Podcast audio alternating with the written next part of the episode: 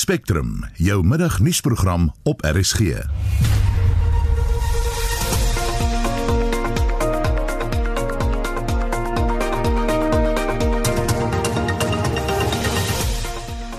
Vanmiddag se program vra oor inkonsekwente optrede teen of ja, teen regeringslei. Ons praat met 'n politieke ontleder, oproepe dat die dat dit elke maand vroue maand moet wees en ons praat met Lukas de Pre, die trekklavierman wat na sy vrou se dood ander COVID-pasiënte bemoedig met sy musiek. Daar's gehuil, ek het saam gehuil. Plek plek het ons 'n bietjie vrolike liedjies gemaak en saam gedans ook om die gemoedere te lig. Welkom by Spectrum. Die span is Wessel Pretorius, Evert Snyman en ek is Susan Paxton. Dis nou 4 minute oor 12 jy luister na Spectrum. Politieke partye het die tugstappe gekritiseer wat teen die KwaZulu-Natal se ALR vir gesondheid, Nomagugu Simelane ingestel is omdat sy nie COVID-19 protokolle gevolg het nie. Dit nadat 'n video waarin sy 'n partytjie sonder haar masker bygewoon het op sosiale media versprei is. Die premier van KwaZulu-Natal, Ziglezikalala, het Simelane se volgende salaris met 50% gesny en eis dat sy in openbaar om verskoning vra vir haar optrede. Mitsi van der Merwe het meer besonderhede besonderhede. Nog 'n openbare figuur wat in die moeilikheid is omdat sy die COVID-19 regulasies geïgnoreer het. Die gesondheids-LER vir KwaZulu-Natal, Nomagugu Simelane, het gereeld mense in die provinsie gemaan om die COVID-19 regulasies na te kom. Die video wat van haar op sosiale media versprei is, waar sy sonder 'n masker in 'n plek met baie mense was, het skerp reaksie by die publiek ontlok. Die premier is onder baie druk geplaas om teen haar op te tree. Die premier, Sihle Sikalala, het die naweek aangekondig dat Simelani met haar volgende betaling slegs die helfte van haar salaris sal ontvang. We have instructed the provincial treasury to work and ensure that at the next payment cycle 50% of the MEC salary is docked and paid to the NGO that fight against COVID 19 in the district where the MEC is the champion, and that is in Amajuba District Municipality. President Cyril Ramaphosa het verlede jaar die toe minister van kommunikasie en digitale tegnologie, Stella Ndabeni Abrams, vir 2 maande op spesiale verlof geplaas na 'n foto van haar op die sosiale media die rondte gedoen het waar sy middagete met twee vriende geniet het ten spyte van die nasionale inperkingstyd. Die DA in KwaZulu-Natal sê Zikalala het misluk om behoorlik op te tree teen Simelani. Die DA hoofsweep in die KwaZulu-Natal se wetgewer, Zwakeli Mgwangu. Considering that we are living in South Africa where already there are examples where senior members in government have found uh, to be frauded regulations like Stella Ndabeni at national level, who was actually suspended uh, without pay, I think for two or three months. Now, I expected the Premier to understand that Stella is not really uh, in the forefront of the pandemic, but here you've got an MEC who should be leading, and he failed to be decisive, and he failed to lead it's a wrong message to the society because we're going to spread this virus that we're all worried about. Now, again, the Premier also says the MEC showed remorse. The MEC didn't show remorse. Die president van die IFP, Willem Kosini Klabisa, het ook reageer. Noted with dismay and disappointment the announcement of the recommendations made by the Premier regarding MEC for Health in KwaZulu-Natal who flouted and disregarded the COVID-19 regulations during her birthday. Of course, the ANC is the same. You cannot expect anything better than what the Premier did. The MEC for Health is the face of the government in the fight against COVID 19 as we are battling with the third wave in KwaZulu Natal. The MEC behaved immorally and below exemplary way. Die LER is deur verskeie inwoners van die provinsie veroordeel. Siyabonga Mtetwa en Lisiwe Dumisa het haar gevra om as die LER deur haar voorbeeld te lei. So if you are not protecting yourself, like how are people supposed to follow after your footsteps? So I think for her it was a very, very irresponsible move. Yeah, and I'm very disappointed in it. It's not good. It is very important for him to wear a mask for him, his health, and for us. Yes, it is very important to protect each and every one of us. Very disappointed. He should lead as an example, as an MEC. Dis nie duidelik of daar teen ander lede van die wetgewer wat ook die partytjie bygewoon het opgetree is nie. In die video is duidelik te sien dat hulle nie maskers aan het nie. Nonkululeko Slope het hierdie verslag saamgestel. Mitsi van der Merwe, SAK-nuus. 'n Groep wat bestaan uit lede van die teater en vermaaklikheidsbedryf betoog vandag voor Letuli huis in Johannesburg oor die inperkingsmaatreëls en die impak wat dit op die bedryf het. Die groep wil graag 'n memorandum aan die president oorhandig waarin hulle onder meer vra om die beperkings op die bedryf op te hef omdat mense van die honger doodgaan. Die groep wil ook by die president weet hoekom die minister van sport, kuns en kultuur, Natim Tetwa, nog nie verstok gekry is oor die wanbestuur van 300 miljoen rand wat geoormerk was om kunstenaars en ander in die bedryf te help nie. Ons praat nou met die politieke skrywer en joernalis Jan Jan Joubert. Goeiemôre Jan Jan. Goeiemiddag en goeiemiddag ook aan jou luisteraars. Hoe is dit dan dat die minister van gesondheid uit sy pos verwyder is na die beskermde drag korrupsie aanklag, maar Natim Tetwa bly in sy pos na die 300 miljoen rand wegraak? Ek dink omdat daar 'n direkte verband aangedui is tussen die minister van gesondheid uh, se gedrag en die feit dat daar wanbestuuring was. Kyk, um, wat uiteindelik gebeur het na lang ontkennings ensovoort was dat uh, dit dat dit bewys is dat hy inderdaad die selfhand gehad het daarin. Ek dink nie in hierdie stadium is daar bewys dat Natim Tetwa as minister van kuns en kultuur en sport um direk verantwoordelik was of betrokke was by die feit dat geld wat na die kunstenaarsbedryf toe moes gegaan het in hierdie verskriklike tye en almal van ons wat vriende in daai bedryf het weet dis 'n slagting dis absolute slagting dat hy 'n direkte hand daarin gehad het dat dit wanbestee is of korrup aangewend is of aan 'n paar maatjies van vriende en familie van die regerende party gegaan het nie Dit is wel in sy departement gewees sien ons dat daar verantwoordbaarheid van hom vereis word. In die stadium nie, um soos aan mense met realisties ook wees, jy weet, um jy weet ons lewe in 'n tyd van uiterstes. Mense probeer of heeltemal um onduik aan verantwoordelikheid of andersins net heeltemal die polisie mannetjie speel. Die antwoord vir mense wat dink is tussenin dit is nie moontlik om alles te weet wat in 'n departement aangaan selfs al is jy die minister nie. Net soos wat dit nie moontlik is as jy die bestuurder van 'n groot maatskappy is om alles te weet wat in die maatskappy aangaan nie. Maar as daar dit hang af van wat jy redelikerwys moes geweet het. En daai bepaling moet gedoen word na behoorlike ondersoek. Ons lewe in 'n tyd van kitsoplossings en kitsmenings. Mense moet wag vir prosesse om afgehandel te word. Dit is een kant van die saak. Die ander kant van die saak is dat die ANC het absoluut geen geen geskiedenis van enige iemand verantwoordbaar hou vir skelmgheid tensy dit absoluut aan jou amper in jou keel afgedwing word en voor jou oor rondgeswaai word nie. Daar is geen wil om op te tree by die ANC teen skelmgheid nie. Hulle doen dit net as dit absoluut nie anders kan nie. So erns tussen daai twee moet die verstandiges tussen ons probeer om 'n middelpunt te vind tussen realistiese verwagtinge en laksheid. Um en dit is waar die kuns lê. Dan sien ons ook gebeure ontvou in KwaZulu-Natal, soortgelyk uh, amper hier aan die ALR van gesondheid in die provinsie Nomagugu Simelani word uitgevang dat sy 'n partytjie bywoon alle inperkingsmaatreëls oortree. Die premier Zihle Sikelala kondig dan nou Saterdag aan dat sy moet jammer sê en 'n helfte van haar salaris moet inboet. Maar iemand soos Kalneas wat dieselfde reëls oortree voor die gevangenis in Escort is sommer onmiddellik hof toe. Mm, um ja, um kyk sy is nou maar Google se Melanie Zulu hoor, sy is gewoon dubbel van ook. Um nou sy um kyk kyk haar saak is nou makliker want jy weet dis open and shut. Um daar's die video, sy het dit gedoen en um sy moet dispuut. Nou as jy vra of dit op die weg van die premier lê om die kwessie af te handel. Sekerlik is Sifrisi Kalala reg om haar te straf, maar dit kan nie daar eindig nie.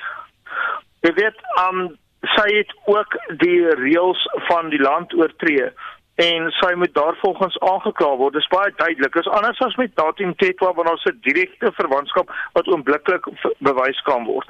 Hierdie half ligte hantering van haar herinner my 'n bietjie aan toe Bongeng Kossie met die Kizela die LER hierso in um in die Weskaap was vir behuising en hy daar allerlei aanduidings was van 'n onbehoorlike uh verhouding tussen hom en die konstruksiebedryf.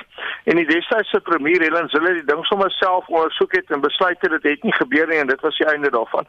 Nou ons kan nie toelaat dat politici politici se situasie hanteer nie. Nie in die Wes-Kaap nie en nie in KwaZulu-Natal nie. Daar is 'n skeiding van magte tussen die um ondersoek van kriminele of beweerde kriminele gedrag aan die een kant en politieke hantering van mede-politici aan die ander kant. Heeltemal goed en wel as jy intern strawwe toedien, maar daar moet ook 'n eksterne proses met 'n behoorlike nasionale vervolgingsgesag besluit volg. Wat Kaal Niels aanbetref, um ek dink ewenigs dit was 'n baie eenvoudige saak. Kyk, um Kaal Niels het openlik en voor die televisiekameras by die hof waar daar reeds uh, mense van die wetstoepassings um, agentskap wat teenwoordig was openlik openlik openlik die wet oortree.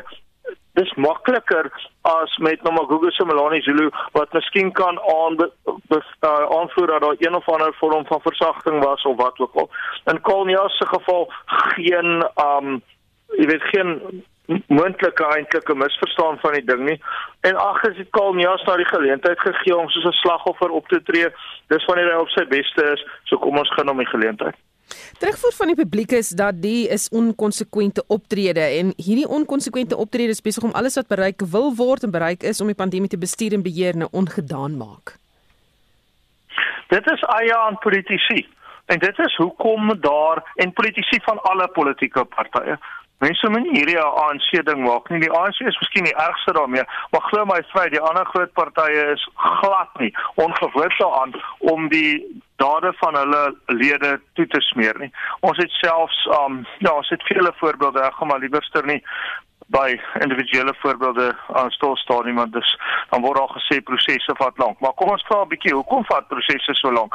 Ek vra byvoorbeeld daai vraag met betrekking tot die potensieel kriminele oortreding daarvan om jou uh, kwalifikasies verkeerd voor te stel wat 'n algaande groot probleem vir die DA in die Weskaap is.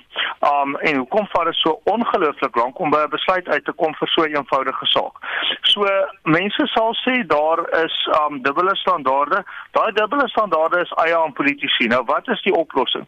Die oplossing is onafhanklike ondersoeke deur byvoorbeeld um forensiese ondersoekers um of anderster deur die nasionale vervolgingsgesag of deur beide sodat en dis 'n basiese reël uh, soos van die wet dat daar moet onderskeid wees tussen diegene wat ondersoek en diegene wat ondersoek word. 'n uh, Ondersoeker kan nie 'n ondersoek lei teen 'n persoon waar hy 'n wesenlike belang het in die persoon se toekoms nie. Dit moet 'n objektiewe ondersoek wees en dit kan politici nou maar net nie regkry nie. Baie dankie. Dit was die politieke skrywer en joernalis Jan Jan Nieuwberg. Die Afrika Spoorbedryf Vereniging vra die regering om die private sektor derde party toegang tot die land se spoornetwerk en infrastruktuur te gee. Die vereniging sê derde party betrokkenheid het die potensiaal om duisende werksgeleenthede in die spoorwegbedryf te skep. Die vereniging verteenwoordig honderde rolspelers en maatskappye in die spoorsektor. Vincent Mofokeng doen verslag. Die bestuurshoof van die Afrika Spoorbedryf Vereniging, Marcela Nhlapo, verduidelik hoe die private sektor gehelp het om Tansanië en Zambië se vrag- en spoorwegnetwerk uit te brei. The days of talking past each other with government has has ended. We need to talk to each other to save this economy. Right here next door, during the pandemic, when we had locked down our ports, Tanzania Railways and uh, Zambia Railways, under the umbrella of Tazara, they continued with their operations. And therefore, some of the traffic that may have come our way were diverted to Dar.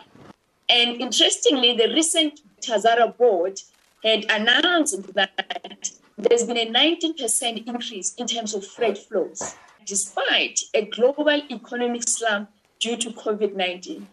Nklapo sê Transnet kan nie byhou met die groeiende vraag van sy kliënte nie. Sy meen derde party toegang deur private sektor tot die land se vrag- en spoornetwerk moet vinnig geïmplementeer word. En Klapo sê geen wetswysigings is nodig om dit te laat gebeur nie. Third party access is budget positive. We do not need money from government. We actually begging government, government, we want to give you money. Freight forecast indicates a doubling of freight demand in 20 years. An increasingly important role for ports, rail, pipeline, and national freight system. Organic growth of the current business will not yield the required funds to meet future investment. Sean Phillips is van die kantoor van die adjunk minister van finansies. Hy sê die regering is steeds daartoe verbind om 'n mededingende en doeltreffende vrag- en spoorvervoerstelsel in die land te skep. Hy sê 'n paar wetsontwerp wat handel oor hawens en spoorweë en die deelname van die private sektor word reeds deur die parlement oorweeg. The reforms that have been prioritized to achieve that objective include enabling third party access, the establishment of a single transport economic regulator, the corporatisation of the National Ports Authority, which includes more private sector participation in port operations, as well as finalizing and implementing the white paper on national rail policy. Minister of Public Enterprises and the President in June announced that the National Ports Authority will be corporatized. Philips sê Transnet het reeds begin met voorbereidings om die private sektor derde party toegang tot hul spoornetwerk te gee. Hy sê volgende maand sal meer aankondigings gemaak word. Transnet has indicated that Transnet Freight Rail will separate its accounts into operations and rail infrastructure by September 2021, in other words, by the end of next month, leading to commercial separation by August 2022, which would in turn enable the accurate costing of slots for third party operators. And that is a key milestone for Transnet to be ready to offer. Sean Phillips van die kantoor van die adjunk minister van finansies. Die verslag van Amina Akram. Ek is Vincent Mufokeng vir SAIK nuus. Daar bestaan 'n groot gaping tussen regeringsowerhede en tradisionele leierskap in Suid-Afrika, veral wat betref grondregte en omgewingsbewaring. Die direkteur van Polisieering Kusgebiede en Oseane, Msondleli Dlulani sê, dis om die rede dat die departement van Bosbou, Visserye en Omgewingsake al die rolspelers in die gemeenskappe om 'n tafel gekry het in Tlhlooi in KwaZulu-Natal. Dlulani sê die departement wil onwettige optrede deur gemeenskappe binne beskermde en omgewingssensitiewe gebiede stopsit. We, as the department, we noticed a gap between the authorities and the traditional leadership, where you will find that there are illegal activities happening, especially within the coastal area, that the traditional leadership had authorized without knowing that there are legislations that are applicable to especially the mining of sand, allocation of sites along the coast. So the minister of this department instructed us to start engaging traditional leadership. So we have had um, from uh, the year 2019, we have had four workshops. We had two in the Eastern Cape and two in KZN.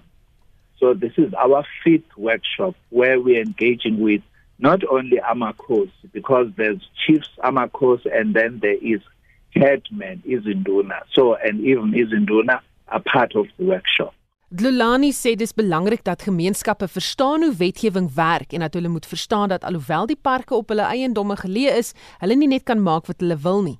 In actual fact, it's not only KZN. I mean, all along, especially where there's um, traditional leaders' involvement in the management or overseeing the area. We are having huge challenges. You know, sites are allocated by traditional leaders. It is their responsibility to do so.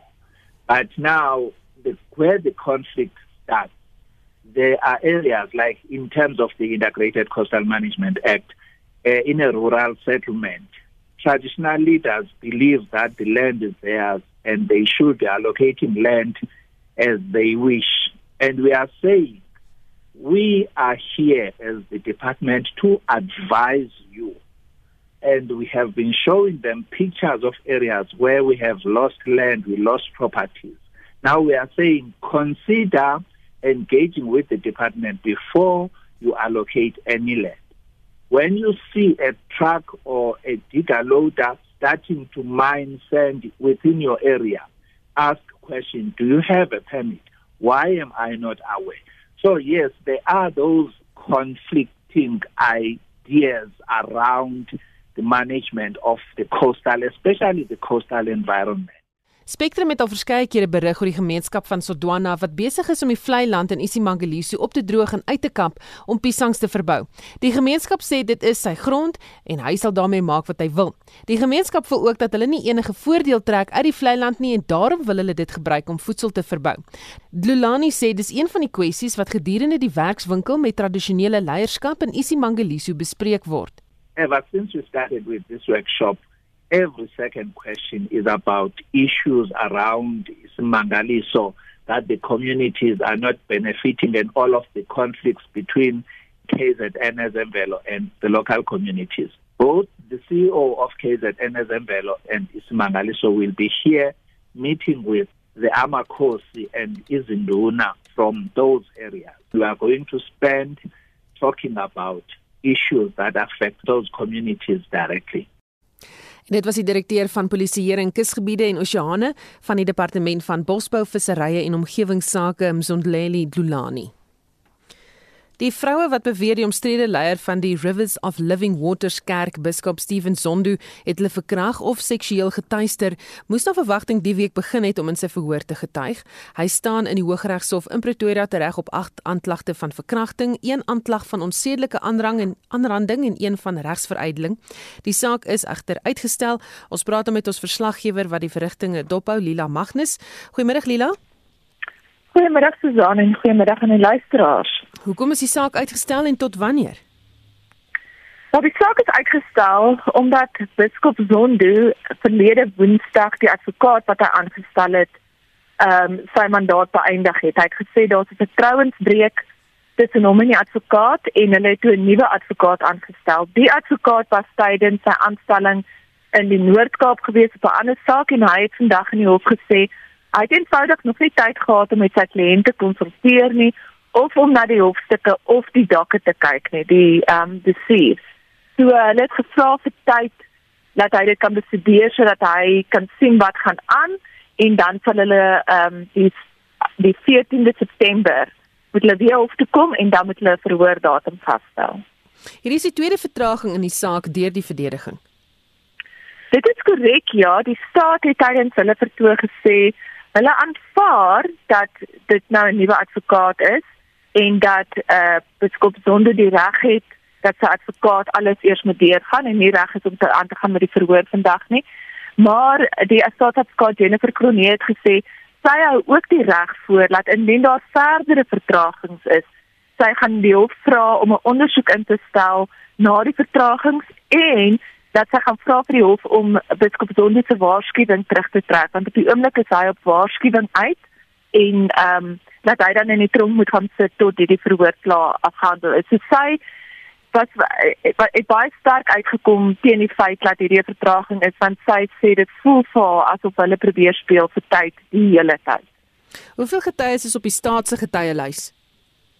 Daar's 25 getuies op die staat se getuielys en dit is een van die redes hoekom die staat ook gesê het weet hulle wil nie hê die saak moet so vertraag word nie want elke keer kom die staatsgetuies hof toe van die slagoffers en hulle word elke keer weer weer getraumatiseer. Is sekondêre trauma wat hulle elke keer weer opdoen. So sy wil definitief nie hê um, die saak moet uitgestel word nie en wanneer die verhoor begin dan moet hy aangaan. En die verdediging het ook vroeër aangedui hulle wou met van die staatsgetuies konsulteer wat hewig deur die staatsanklaer advokaat Jennifer Kronee teengestaan is. Ja, dis korrek. Die vorige advokaat het ehm um, toe hy gevra het vir uitstel het hy gesê hulle het nog nie die geleentheid gehad om met van die ehm um, getuies te konsulteer nie onder meer die slagoffers en dat hulle weer die geleentheid gegee wil word want van hierdie ehm um, aanklagte gaan terug tot die 1980. So hulle wil graag met die staatsgetuies konsulteer en toe het die staatsadvokaat Jennifer Kronee net eenvoudig gesê dit gaan nie gebeur nie. Hulle het geen reg om met die staatsgetuies te konsulteer nie. Die staatsgetuies wil nie met hulle konsulteer nie en dit sal nie gebeur nie. Enige vrae wat hulle het vir die staatsgetuies kan hulle tydens kruisondervraging dan nou aan die getuies stel wanneer die verhoor begin. Baie dankie, dit was ons verslaggewer Lila Magnus. Spectrum, jou middagnuusprogram op RSG.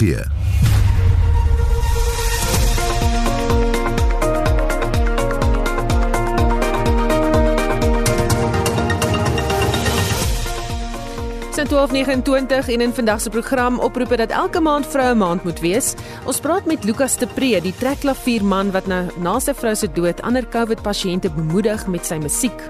Daar's gehuil, ek het saam gehuil. Plek plek het ons bietjie vrolike liedjies gemaak en saam gedans ook om die gemoedere te lig. En 'n walvisfossiel met 4 pote is in Egipte ontdek. Bly ingeskakel.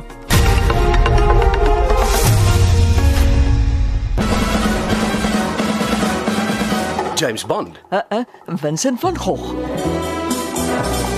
Vier skilderye verdwyn spoorloos, die privaat speler ook en dis nie al nie.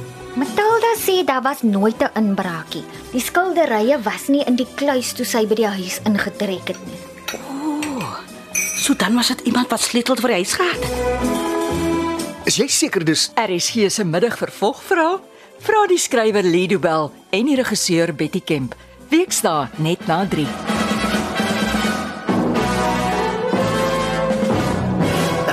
weet Daniel Craig hiervan? In Dinsdag 31 Augustus se Geestesgesondheid gesels ek met die spesialis maatskaplike werker, Sorika de Swart, oor die verlies van geliefdes. Spesifiek in die gesinne waar een of beide ouers of voogde oorlede is. Hoe hanteer ek my eie en my kinders se verlies? Geestesgesondheid. Dinsdag aand na die 11uur nuus saam met my, Christel Webber.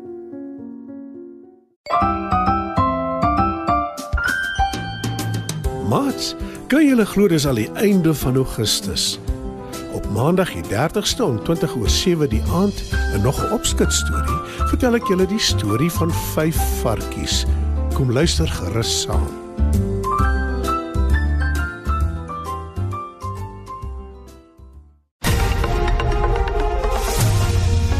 Daar is geen verkeer.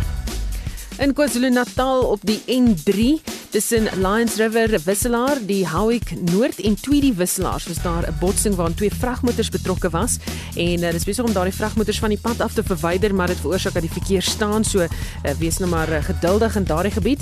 In Gauteng is daar padwerk op die R21 suid net na die Benoni Wisselaar in die linkerbaan en dit is jou verkeersnuus. Skaars 'n maand na die massiewe ontploffing van die UPL maatskappy se plaagdoder pakhuis in Durban, het 'n ander brand in die chemiese fabriek op 25 Augustus ontstaan wat 'n wolkgiftige dampe vrygestel het ook in die omgewing. Die ontploffing het veroorsaak dat die plaaslike gesondheidsdepartemente amptelike waarskuwing aan inwoners gestuur het. Dr Gerard Verdoon van CropLife Africa wat spesialiseer in plaagbeheer sê, die plaaslike regering en rolspelers is hard besig om die impak van die gifstowwe op die omgewing te probeer bestuur die brand wat plaasgevind het, ek dink dit was op die 13de van Julie by die chemiese pakhuis van UPL in Columbia wat as gevolg van kwartwillige brandstigting die een wat gebeur het met die verffabriek of wat ook al nou in die afgelope tyd gebeur het, weet ek eintlik niks van ek glo net dit Natal was nog 'n brand wat in gang is. En ek weet ook nie wat die oorsaak van is nie, maar daai brand wat plaasgevind het op by die chemiese pakhuis was kwartwillige brandstigting geweest en dit was so ernstig geweest dat ehm um, al die veiligheidsmaatreëls wat ingebou is in die pakhuis kon nie die brand keer nie. En boonop was die situasie polities so gevaarlik geweest die brandweer kon nie hulle mense uit die uh, woonbuurt kry nie hulle kon ook nie betyds opdrag om die brand betyds onder beheer te bring en ehm um, die brandbomme wat in die gebou ingegooi het was so ernstig dat ehm um, dit het alles wat opslaan en die hele pakhuis was in die brand gesteek binne 'n paar minute Wat is die impak op die omgewing, veral wat waterstelsels en die lug betref? Ehm um, so die nader van die storie was gewees dat die brandweer wel opgedaag en die brand begin blus. Ehm um, maar die omvang van die brand was van so aard gewees dat daar was 'n massiewe volume water gewees wat gespuit het saam met natuurlike tipe dik wat in die pakhuis was. En die um, opvang tanks het begin oorloop en 'n tankstroom in. Die dit het oorgeloop in die Sande rivier en ook in die strandmeer wat natuurlik besoedeling veroorsaak het met die verskeie uh, plaagdoders wat insekdoders van dit onkruid is wat in die pakkies was. So dit het um, 'n groot baie groot impak gehad op die natuurlike lewe wat in die waterstelsel is, bespreek van die die dierekant en die plante ook. En watter opruimingspogings is tans aan die gang? Omtrent 4 dae na die brand geblus is, ehm um, het die opruimingsspanne begin onder toesig van 'n uh, konsultant wat aangestel is en ook met die nodige permitte van departement omgewingsake se afvalbestuur program het hulle begin met goed op te ruim. So op die stadium is daar seker omtrent al 90% van al die besoedelde water en van die grond goed weggeneem. Maar die situasie in die waterstelsel is nog steeds redelik krities gevaarlik. Die lug was al omtrent twee weke terug wat die lug al op voorstand gewees dat daar nie meer toksiese elemente in die lug was en was nie ook nie toksiese gasse gewees wat daar geen was in terme van die GPL se pakkings nie. Nou wat gebeur met vandag se storie, dit weet ek nie maar dit lyk nou nog 'n bietjie van 'n uh, ons sê maar amper wat gebeur het en dan um, ek weet nie hoe gaan die ding uitdraai nie maar ten minste die GPL stelsel is nou besig om by 'n punt te kom wat um, die opruimingswerk is, is aan die gang en dit is amper klaar en daar's 'n reeks span met wetenskaplikes en kundiges wat werk in die storie om te kyk na die opruiming en dekontaminering en dan um, gelukkig met 'n baie goeie ondersteuning van departement omgewingsake se se chemiese afvalbestuursprogram wat hulle die permitte goed gegee het. Wat behoort die maatskappy nou te doen omdat die afvalbestuur wetgewing tog hier 'n rol gaan speel? terme van die afvalbestuurswetgewing die die beginsel is die besoedelaar moet betaal op en so uh, mens moet ook met die vraag van hoe kom dit gebeur? En uh, UPL uh, begin ek die besoedelaar dis eintlik die die mense wat die die misdaad gepleeg het die plek in te steek wat verantwoordelik word. Maar ek my niemand in die politieke kant wil daar praat nie maar UPL het spanne aangestel en terwyl van die verskillende artikels van die omgewingsaf en afvalbestuurswetgewing om die opbrengs te doen om dit te doen. Daar is al letterlik honderde mense geneem in die rivier op die grond en die strand hier die see die water sien jy dit net wat almal gaan die see is en ons het al klaar gekyk na die evaluering van die data goed en dit raak by die dag gelukkig 'n bietjie beter en minder gevaarlik maar ons is nog nie uit die gevaarzone uit wat die die PL situasie trek nie, maar die spanne werk hard om die plek te beheer. En dan die detoksifisering en evaluering van die gifstowwe in die omgewing. Ek weet dit is 'n geweldige proses. Verduidelik vir ons wat dit behels. Nou, evaluering beteken jy vat die toksiese afval weg. Die toksiese afval word dan verwerk en word so ver as moontlik gedetoksifiseer om seker te maak dat meter van die toksine word chemies afgebreek tot 'n plek waar dit nie giftig is nie.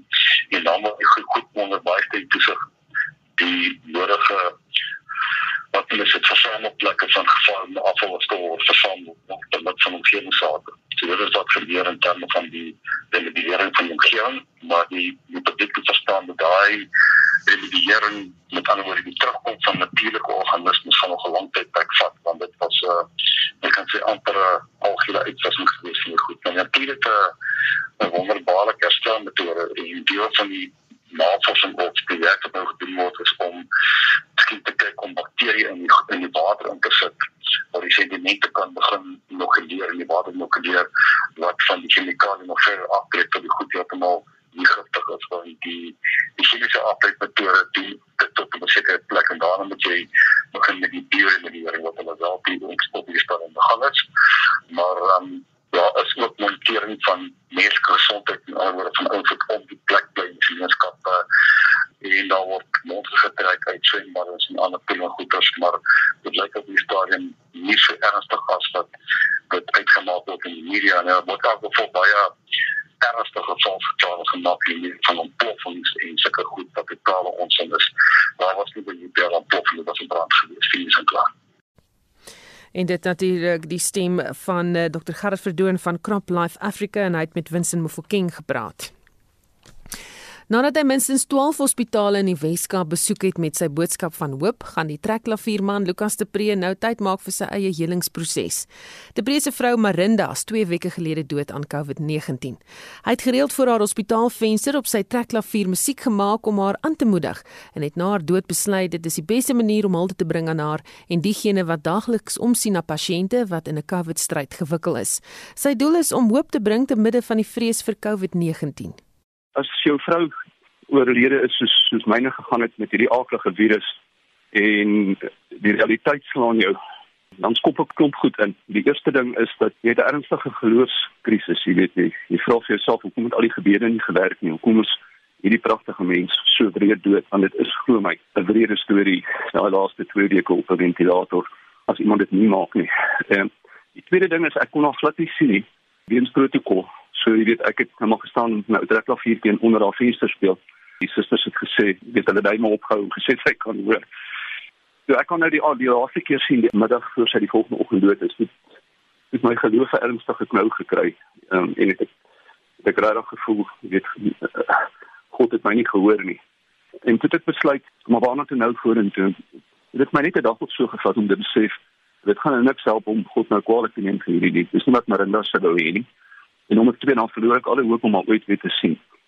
Ek dink ek mag kom ek, kom ek sit my geld waar my mond is en gaan op hierdie roadtrip wat ek nou beplan het en deel die boodskap. Want 'n ander ding wat my baie sterk onder die aandag gebring is is die geweldige trauma waardeur nie net die persone soos ek en Marinda en, en die pasiënte en die naaste standers gaan, maar ook die personeel.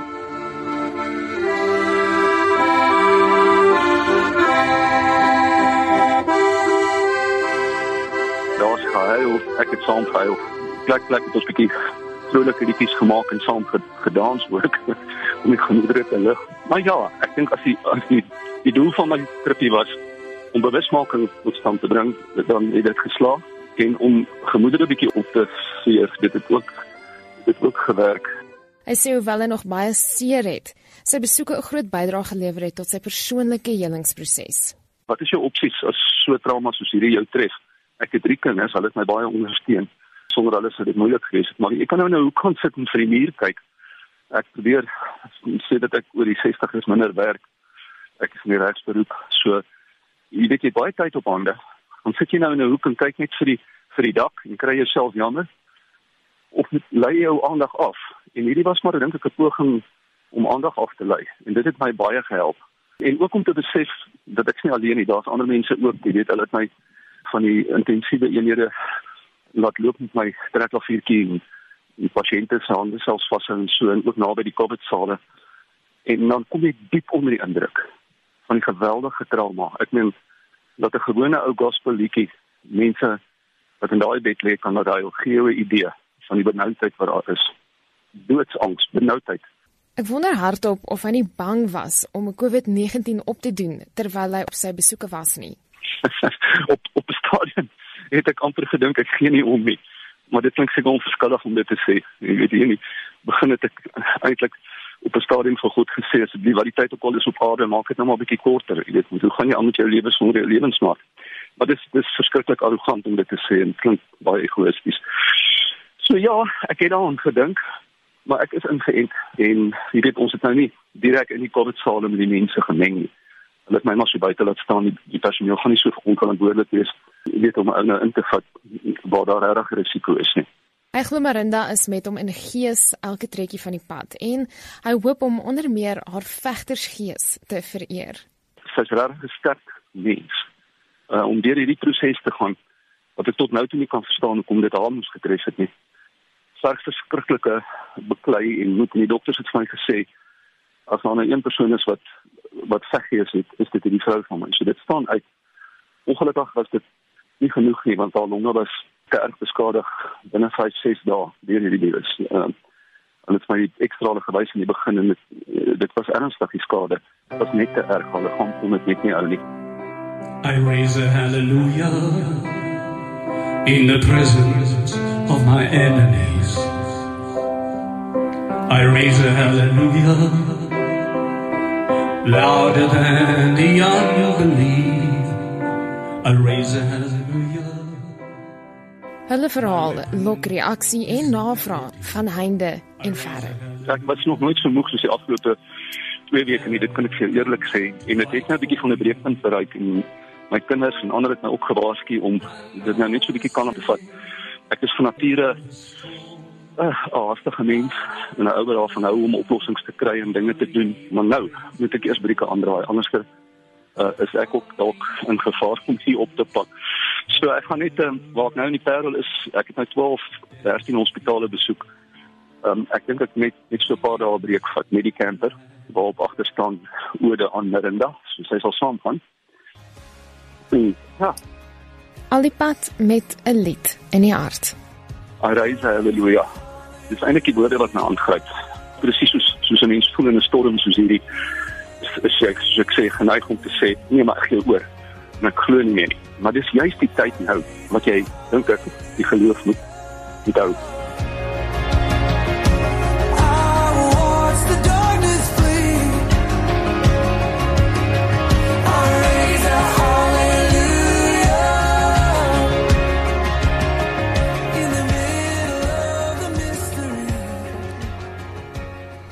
En dit was 'n stukkie van Bethel Music met Raise a Hallelujah Hallelujah eerder waar die trekklavierman Lukas de Pre hoop bid nadat hy sy vrou Marinda aan COVID-19 moes afstaan.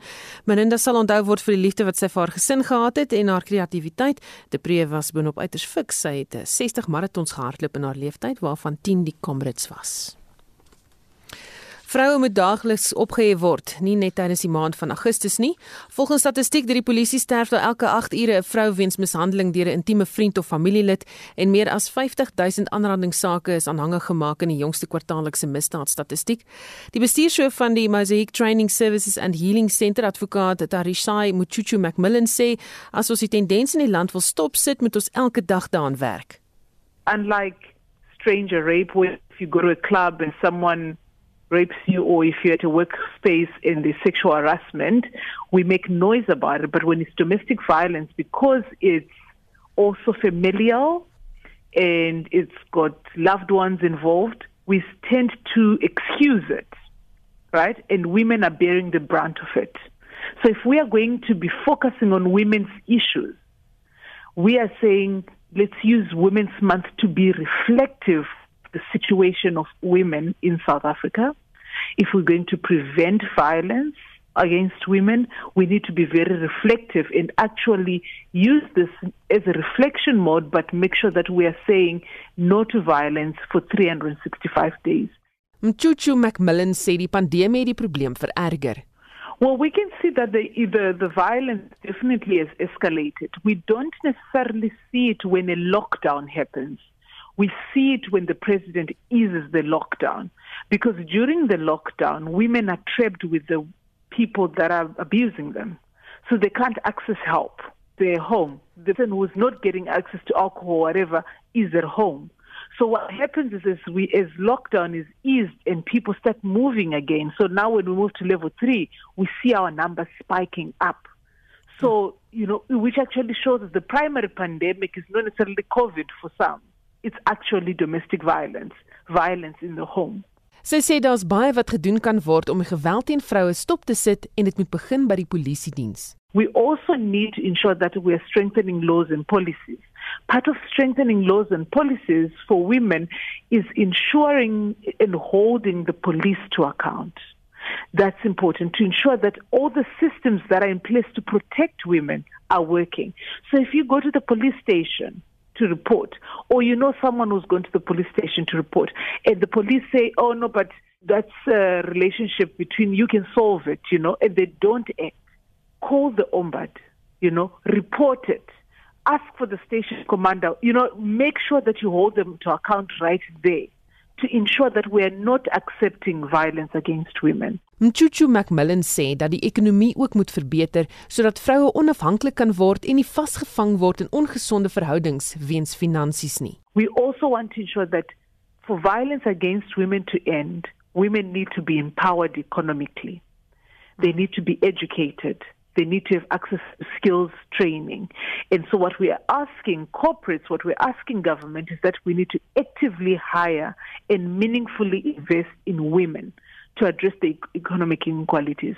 That's very important because when a woman is dependent on the partner, especially one who uses violence, we know that they are trapped for life and they don't have choice but to stay in that abusive relationship. Dit was die bestuurshoof van die Mosaic Training Services and Healing Center, advokaat Tarishai Muchuchu Macmillan. Wetenskaplikes het bevind dat 'n walvis met 4 bene tydens die oertyd geleef het. Hierdie walvis se bek het glo meer soos 'n jakkalsin gelyk. Volgens 'n professor in dierkunde by die Noordwes Universiteit, Henk Bouman, het hierdie spesies meer as 43 miljoen jaar gelede geleef. Hy het aan Anne Maria se van Vieren gesê die walvis voorsaat het ook op droë grond rondgeloop. Die artikel wat dit beskryf het pas verskyn in die eerste outeur as Abdullah Gohar. En hy skryf 'n nuwe fonds wat hulle gekry het in die weste van Egipte in die woestyn. Hierdie ding se naam is die Fumicetus annubis. En Fumicetus verwys na Fayum ongeveer waar die walvis die fossiel gekry is. En Anubis verwys na die jakkalskopgod of uh, wolfskopgod wat verbind is met dood in Egiptiese mitologie. En dis hoe die twee bymekaar gekom het. Nou die ooreenstemming tussen die hieroglife wat hierdie Anubis uitbeeld en hierdie walvis is nogal redelik goed. Dis hoekom dit nou soort van die walvis van die dood genoem word of verwys word daarna. En as ons na die prentjies kyk, lyk dit glad nie vir my na 'n walvis nie. Hoe weet mens dis 'n walvis se voorsaat? Hmm. Ja, sien walvisse het van landsoogdiere geëvolueer. Wel soogdiere het ontwikkel vanaf reptiele, die oerreptiele. Soogdiere het op land ontwikkel en daar's meer as een roete wat hulle gevolg het. Hierdie een Fumacetus het ontwikkel vanuit iets soos 'n wolf. Toe later is hulle weer terug water toe. Mense kan soort van dink aan die seekoei wat natuurlik ook uh, van die land af in die water ingegaan het en nou is hulle amfibies, beteken hulle kan beide op land en water lewe, maar hierdie een kon waarskynlik ook doen. Nou soos die walvis verder ontwikkel het, het die voorpote het ontwikkel in die voorste vinne en die, die bene van die agterste pote is nog steeds aanwesig binne die liggaam, maar dit is nie meer sigbaar nie. Dis 'n tandwalvis, dis nie 'n baleinwalvis nie. En met ter tyd het hierdie tandwalvisse ontwikkel in die tandwalvisse soos die dolfyne en die orkas wat ons vandag ken. Ek sien dit het baie groot tande. Was dit 'n gevaarlike dier? Dit is nog wel 'n redelike walvis as jy daarna kyk. Dit is half krokodil maar met vier lang pote en hy is ongeveer 3 meter lank en weeg 600 kg. Die Fumicetus annibus het baie sterk kake en sterk tande en dit dui daarop dat dit 'n jagter is natuurlik en dan redelik groot goed kan vang want dit is 600 kg en dit is nogal redelik groot. En het waarskynlik of moontlik ook op krokodille gevoed in die woestyn alhoewel dit spekulasie is. En as jy 'n visserman is en jy sit langs die waters en hierdie ding kom op jou af dan is jy nie meer 'n visserman nie. Wat maak hierdie ontdekking verder belangrik vir wetenskaplikes? hierdie Fumicetus is die oudste in die hele groep. Met ander woorde, dis ook nogal 'n redelike belangrike fonds. Dis 43 miljoen jaar gelede toe hierdie dier rondgeloop het en rondgeswem het. Ons kry toevallig heelwat fossiele veral in die Pakistan gedeelte wat nie te ver is van Egipte nie, maar die fossielreste van walvisse in Afrika is maar dun, dis hierdie is 'n baie goeie nuwe fonds. Nou ja, dankie tog, daar loop nie meer walvisse in die strate rond nie, dink net die verkeersknope wat dit sou veroorsaak. Dit was professor Henk Bouman verbonde aan die departement dierkunde by Noordwes Universiteit en hy het met Anne Marie Jansen van Vuren gepraat. Marlenae Forsie het 'n opsomming van die hoofnuus van die dag en ontwikkelende stories Marlenae. 'n Groep wat bestaan uit lede van die teater en vermaaklikheidsbedryf betoog voor Lutulia in Johannesburg. Hulle wil weet hoekom die minister van Sport, Kuns en Kultuur, Natim Tetwan, nog nie verstok gekry is oor die wanbestuur van 300 miljoen rand wat vir die bedryf geoormerk is nie. Die politieke skrywer en joernalis Janjan Ober het as volg gereageer. Dit hang af van wat jy redelikerwys moes geweet het. En daai bepaling moet gedoen word na 'n behoorlike ondersoek. Ons lewe in 'n tyd van kitsoplossings en kitsmenings. Mense moet wag vir prosesse om afgehandel te word. Dit is die een kant van die saak. Die ander kant van die saak is dat die ANC het absoluut geen geskiedenis van enige iemand verantwoordbaar hou vir skelmgheid tensy dit absoluut amper in jou keel afgedwing word en voor jou oor rondgeswaai word nie. Daar is geen wil om op te tree by die ANC teen skelmgheid nie. Hulle doen dit net as dit absoluut nie anders kan nie. Dit dan die politieke skrywer en joernalis Jan Jan Uber. Politieke partye en landsburgers kritiseer tugstappe van teen die KwaZulu-Natal se ALR vir gesondheid, Nomagugu Simelane Zulu ingestel is omdat sy nie COVID-19 protokol gevolg het nie. It's a wrong message to society because we're going to spread this virus that we're all worried about. Again, the Premier also says the MEC showed remorse. The MEC didn't show remorse. The ANC is the same. You cannot expect anything better than what the Premier did. If you are not protecting yourself, like how are people supposed to follow after your footsteps? For her, it was a very irresponsible move. It is very important to protect each and every one of us. Very disappointed. It should lead as an example as an MEC. En ons verslaggewer Lila Magnus het die jongste uit die hof waar die verkrachtingssaak teen biskop Steven Zondo van die Rivers of Living Waters Kerk vir 'n tweede keer uitgestel is. Die staat se geduld loop uit met die sloerdery. Die assistent Jennifer Kronie het gesê sy hou ook die reg voor dat indien daar verdere vertragings is, sy gaan die hof vra om 'n ondersoek in te stel na die vertragings en dat sy gaan vra vir die hof om biskop Zondo se waarskuwing terug te trek want op die oomblik is hy op waarskuwing uit dat hy dan in die tronk moet gaan sit tot hierdie verhoor klaar afgehandel is. En dan op die internasionale front, gewapende bendelede in Brasilië het kort voor Spectrum met gijslaers op die vlug geslaan na 'n bankroof in Aracatuba. Self in beeldmateriaal toon hoe gijslaers bo op of voor aan voertuie vasgemaak is waarmee daar weggejaag is soos hy verwikkelinge daardop en die spanning in Afghanistan neem eerliks toe soos wat die spertyd vir Amerika om die land te verlaat nader kruip. Die VS ondersoek intussen die dood van minstens 9 Afghaanse burgers tydens 'n lugaanval gister. Die doel van die aanval was na bewering om 'n selfmoordbomaanval by die Kabul lughawe te stop.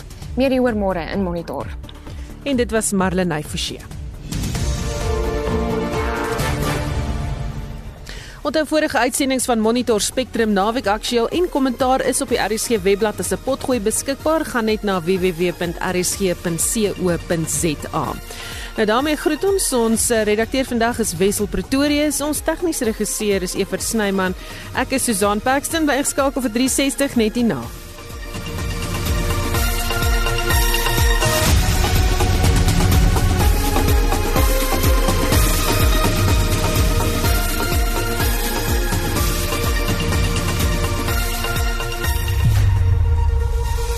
SAK nuus.